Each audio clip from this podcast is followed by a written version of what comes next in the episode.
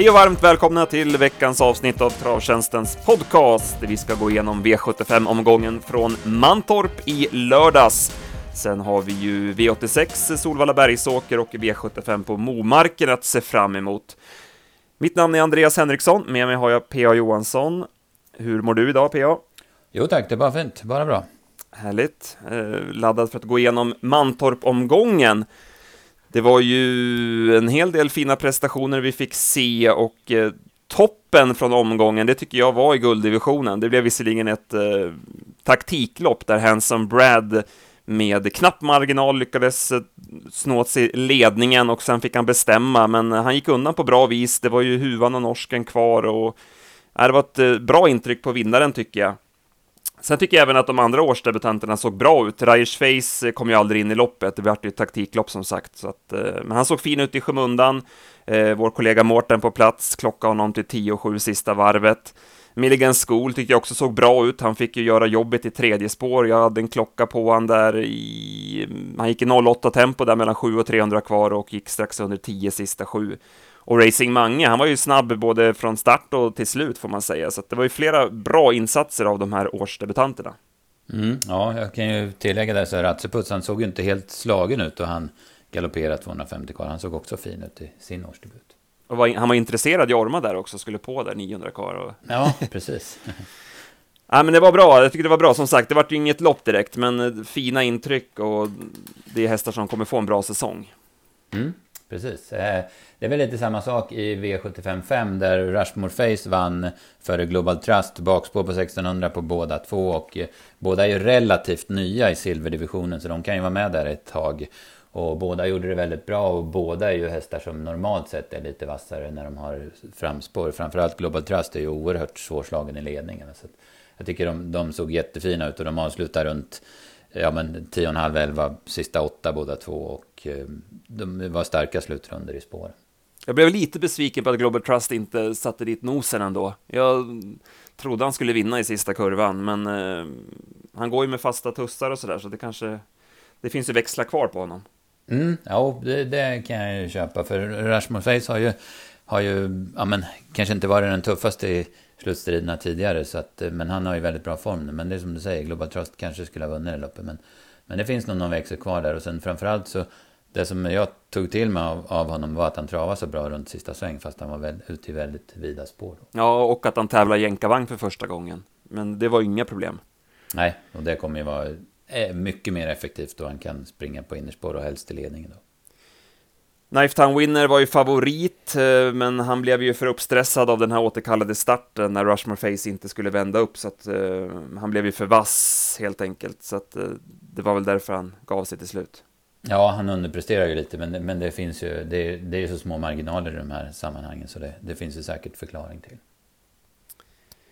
Floppen då? Jag, vad har du där? Vad tyckte du var ja, sämst i omgången? Ja, eller sämst, men som jag blev besviken på, det var ju faktiskt Peter Untersteiners hästar i V756. Både Scherfer och Rivner såg seg ut hela loppet. Hon blev femma, men det var inget extra. Och så Darling Harbour galopperar ju nu efter, kort efter start. Sen gjorde hon en bra upphämtning, men Nej, hon såg inte helt perfekt ut och vad jag förstod så värmde hon inte heller något bra. Va? Så att, eh, nej, det var, Peters hästar där var inget, det var inget plus för mig. Nej, nej hon värmde ju inte som bäst eh, senast Starling Harbour heller. Mm, men det var samma sak nu igen och som du säger, det var ju galopp där kort efter start. Så att, eh, frågetecken kring henne. Mm. Och sen var ju Ryssebo Larrain hade ju tagit illa vid sig av den där stentuffa comebacken hon fick på Halmstad. Och hon var ju, ja men såg ju riktigt tråkig ut den här gången. Mm. Och Scherfer rev ner var ju seg på Halmstad och det är som vi brukar säga att man vill ju att hästarna ska vara i full form när man gör de här ändringarna som till exempel byter vagn. Eh, nu gav det inte någon effekt. Nej, hon, känns faktiskt inte som hon har tagit något riktigt kliv till det här året. Utan, utan hon är mer seg och hon har ju kommit upp i klassen lite grann. Så att, nej, hon får väl visa lite mer. Loppet vanns av Have Fun With Me som haft svårt att sätta nosen först, men nu var det barfota runt om och eh, det gav en växel till. Ja, precis. Sen fick hon bra lopp, eh, smög först invändigt och sen i ryggar och, och det stämde bra och det blev ganska billigt också. Men man ska inte förringa hennes insats, absolut inte. Men, men eh, det blev ganska smidigt också. En som jag tar med mig var Mikrovik. Jag tyckte hon såg jättefin ut. Eh, visserligen som du säger, det var ju inget bra lopp, så att, att sitta fast är väl kanske ingen merit, men det var ett bra intryck på henne och kan hon tävla barfota runt om även i nästa start så kan hon säkert vara aktuell. Mm, ja, hon spetsar ju också så hon är ju, hon är ju snabb ut. Då, så det har hon ju väldigt nytta av. Ja, guld värt nu när vi går mot snabbare banor och sådär. Mm, verkligen.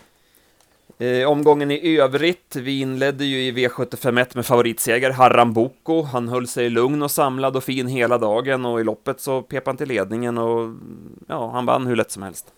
Mm, ja, han var jättefin och jag tycker att även om han har galopperat i, i framförallt senast då så tycker jag det har sett bra ut på honom på slutet. Så att, och voltstart verkar han ju närmast stabilare med än, än bakom bilen. Så att, det var, nej, men det var inte helt oväntat att han skulle sköta sig. Och så när han kom till ledningen som du säger så, så blev det ju väldigt bra.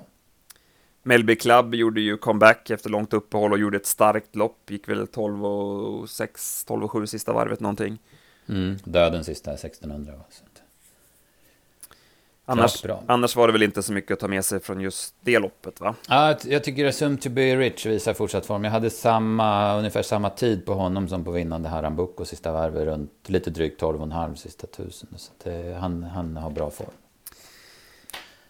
Floppen för mig tycker jag kommer i V75 2, det, det storloppet. Det var ju flera tveksamma intryck. Kamana värmde ju dåligt, galopperade ju värmningen och var väldigt rullig. Eh, så att, att hon skulle rulla över i galopp i första sväng i loppet sen var ju ingen överraskning. Eh, Estelle Brodda värmde inte så bäst, fick ju sen ett tufft lopp eh, och sådär. Det var ju... Och sen Full Truttle och Listas Tingeling, de hoppade ju direkt från start. Och Kolmi Brodda var väl den största besvikelsen. Jag tyckte att hon var bara dålig och galopperade uppgivet i sista kurvan. Så här var det ju flera som underpresterade och det gjorde ju att Blanche kunde vinna loppet från ledningen. Peter Untersteiner, han är ju vass från start och prickade perfekt och satt i spets och sen höll hon undan. Det var ju ingen bra vinnare för vår del. Nej, verkligen inte. Den trodde ju varken vi eller Peter på, på förhand. Va? Så att, eh, och sen, ja, han, som du säger, han prickade ju så bra och sen när nästan alla gjorde bort sig på första volten och sen Kamana inte var i ordning. Och sen läste jag eh, Oskar Svanberg på Facebook skrev att de högg i gafflarna lite grann han och Peter Untersteiner där och det klarar inte Kamana. Men sen tror jag hon hoppade en gång till sen. Så att, eh, hon var inte bra för dagen. Nej, Blanche eh, höll undan. Det vart ju inget att slå sen. Utan det, hon, gjorde ju, hon gjorde ju sitt sitt jobb helt enkelt. Jag tänkte liksom lite tröst i bedrövelsen att de, då kan man gå emot henne nästa gång, men då börjar de snacka om att de kanske ska gå till avel, så att då kanske man inte får den chansen. Nej, precis. Och Kolmi Brodda där kan man väl säga var så, den var ju lite knepig, eller ja, senast också tappa stilen in mot mål. Så att, men det var ju bra snack kring den. Men det var ju, det skulle man ju verkligen ha gått på det synintrycket man hade. Att hon inte är som hon var när hon var som bäst i fjol. Eller när hon var tvåa, eller trea på Kalmar då i ett stentufft lopp i årsdebut. Ja, nej, hon verkar vara svår att hålla fräsch. Sen går vi till fjärde avdelningen och här var det en riktigt stark insats av Terminator Face. Erik Adilsson prickade ju perfekt som oftast från springspåret till ledningen och sen drog han på i sin stora aktion. Eh, men det gick på nålar över upploppet och ja, det var starkt av både häst och kusk att hålla hästen felfri. Mm, ja, verkligen. Det, var, det gick ju väldigt fort när Hugo Gustiva Boko pressade på sista långsidan. Va? Så att, eh, så nej, men det var starkt gjort. Eh, han får väl slipa till det där med aktionen, men det blir nog bättre och bättre ju mer ork han får i sig. Det är ju först i de tre senaste starterna han har liksom blommat ut, så det, det, kommer nog med, med loppen. Vad säger du om eh, Jormas styrning med Hugo Gustav Arboko då? Ja, vad ska man säga? Han, han testar ju i alla fall och det var ju... Det var, vart ju fel va? Det var, nej, det var ju ingen bra styrning, men det, så är det. I övrigt från det här loppet. Det vart ju som sagt långt ner till, till de andra. Randemar RD gick ju, spurtade ju bra.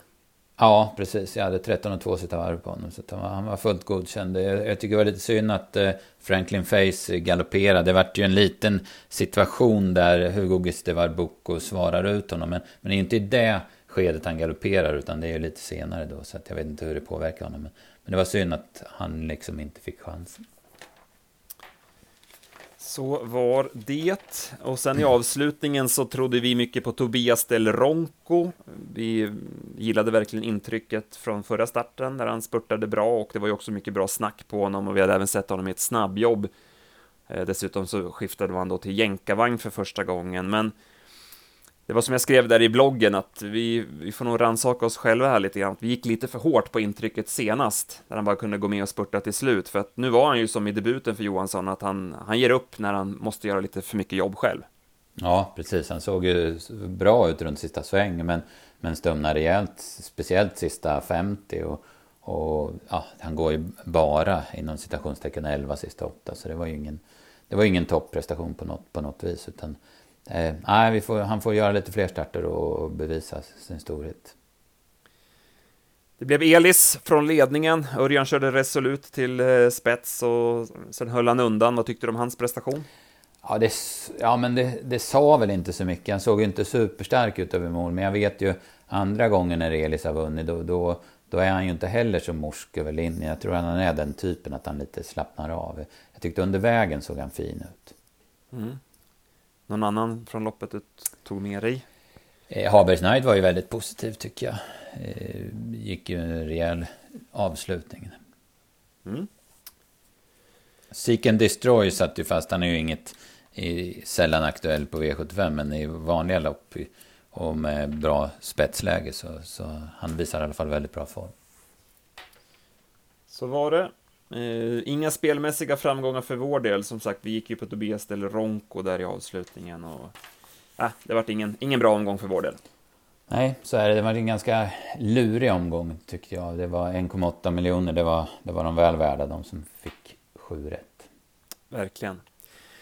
Eh, desto bättre gick det för oss i onsdags. Eh, vi lyckades ju få alla rätt då i, på V86 och det har vi sagt tidigare här i podden att V86 är ju verkligen ett spel vi, vi gillar och eh, vi fick bra betalt där. Eh, vi fick in det reducerade förslaget på slutspelet och även slutspelet Dagens Dubbel satt ju. Vi hade till exempel tipsetta på Stephanie Divine, hon var ju 3% av insatserna och vi rankade in det på 36 rader och nettot blev 784 360 kronor och det var ju riktigt kul.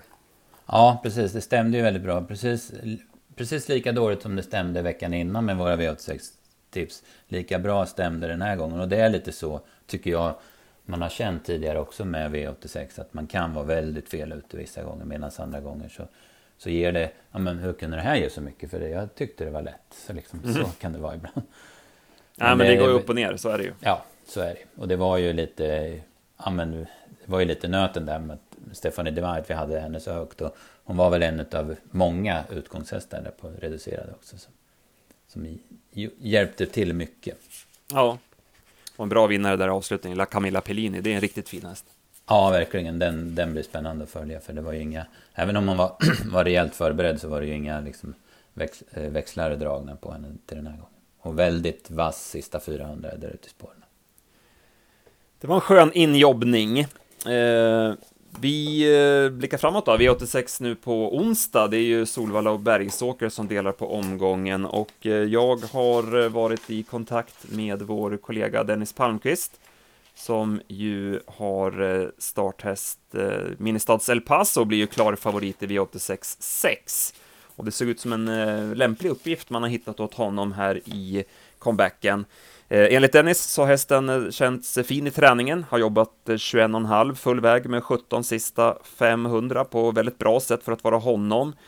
Dessutom så var man inne till Gävle där han fick igång en liten repa i lördags. Det är klart att det kan fattas lite grann, säger Dennis, men han tycker att hästen känns mer slimmad och liksom lite, lite vassare i kroppen än vad han brukar vara när han återkommer efter paus. Så det låter som att han kommer göra ett riktigt bra lopp direkt. Det blir barfota om banan är fin, annars aluminiumskor runt om. Bike norskt och ryggtussar som vanligt, så att mm, man spar inte på några växlar heller, utan mm, det är, det är aktuellt direkt. Däremot kan jag ju tänka mig att han startar ju från 40 meters tillägg och jag kan ju tänka mig att man helst inte kör fram i dödens utan att man gärna går sista 700 och då kan det ju alltid bli lite strul, men normalt sett har han bra segerchans. Eh, och är en sund favorit. Jag tycker dock att det finns ett intressant motbud i loppet, nummer fyra Editor, är en häst som jag har följt lite grann hos eh, Hans-Ove Sundberg. Hästen har gjort flera starka prestationer utan att få vinna. Eh, intressant nu med ny regi, det är Ville Karolahti som har tagit över träningen från eh, månadsskiftet och haft hästen nu i ett, några veckor. Eh, spännande uppgift åt honom, han kan ju öppna bra från start. Jag gick tillbaka och kollade ett lopp här på morgonen från Romme i höstas. Då öppnade han bra från sport 3 till ledningen och sen eh, höll han undan till seger. Han eh, lyckades kontra ut Knifetown Lover över upploppet och det var en bra insats. Så att, eh, skulle Ville kunna köra sig till spets här så tror jag att han absolut kan utmana favoriten. Det kanske kan vara tänkbart låst till onsdag, eller vad tror du, Pia? Mm, ja, jag håller med. Jag tyckte Editor kändes jätteintressant mot storfavoriten där. På den nya, nya regin. Och Ville har ju bra, bra stil på hästarna. Så att han är en coming man tycker jag som, som tränare. De, eh, de tipsen släpper vi på onsdag klockan 15. Hade du någon sådär eh, du funderade ja, på? Ja, när jag gick igenom det så kändes det som i V86.7, det är diamantstort försök, att nummer 8, Rally Funny, har en väldigt bra uppgift. Hon har gjort två starter i, efter ganska lång vila, spurta vast efter ett försiktigt lopp i Skellefteå i årsdebuten. Senast var hon med i Boden och gick på 700 kvar och svischade runt dem på en långsida. Och avsluta 11,5 sista 8 med fin spänst över mål. Örjan Kihlström kör för första gången. Spår 8 i spårtrappa är inget dåligt läge och jag, jag, tror att hon bara vinner det här loppet. Bra. Fick vi en spik där också. Ja, vi får se hur vi hanterar det när vi går igenom det. Har gått igenom det noggrannare till onsdag. Då. Så är det.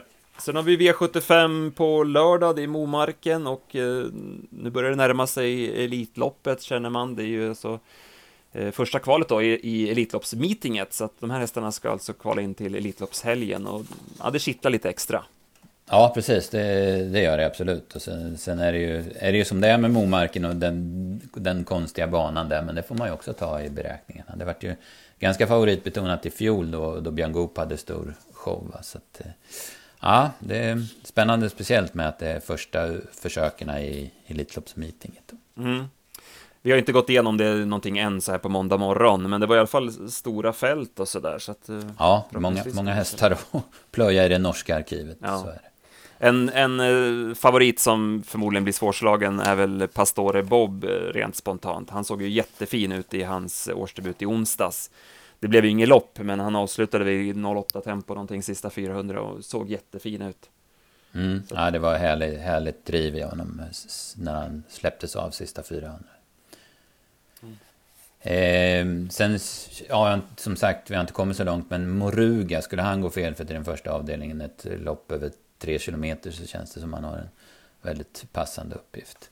Eh, sen kan jag ju tipsa en grej inför eh, de här omgångarna som kommer komma nu i, i Norge, om en kille som heter Dag Sveinung Dalen. Han har väl lite slagit igenom redan, han vinner ju massor med lopp, men det är en ruskigt vass kusk. Alltså. Den, jag har observerat det senaste året. Han, han, är, han är stenbra att köra. Alltså.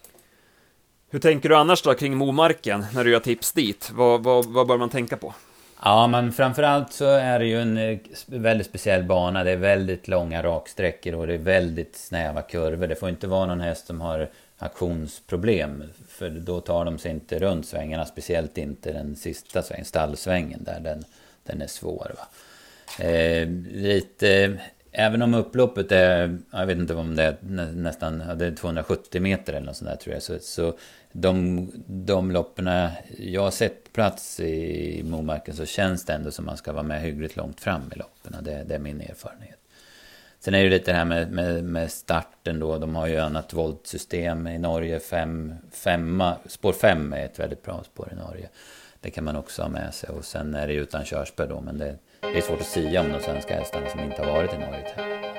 Mm. Men det ska man i alla fall ha med sig. Japp, och den omgången jobbar vi på med i veckan då, så släpper vi de tipsen på fredag klockan 15. Då nöjer vi oss så för den här veckan. Ja, precis. Det gör vi. Stort tack för att ni har lyssnat och jag pushar lite grann också för det avsnittet som eh, Mårten spelade in med Magnus Jakobsson här förra veckan. Det finns i, i poddarkivet på vår hemsida så att det är bara att gå in och kika. Tack för idag, ha det bra, hej då!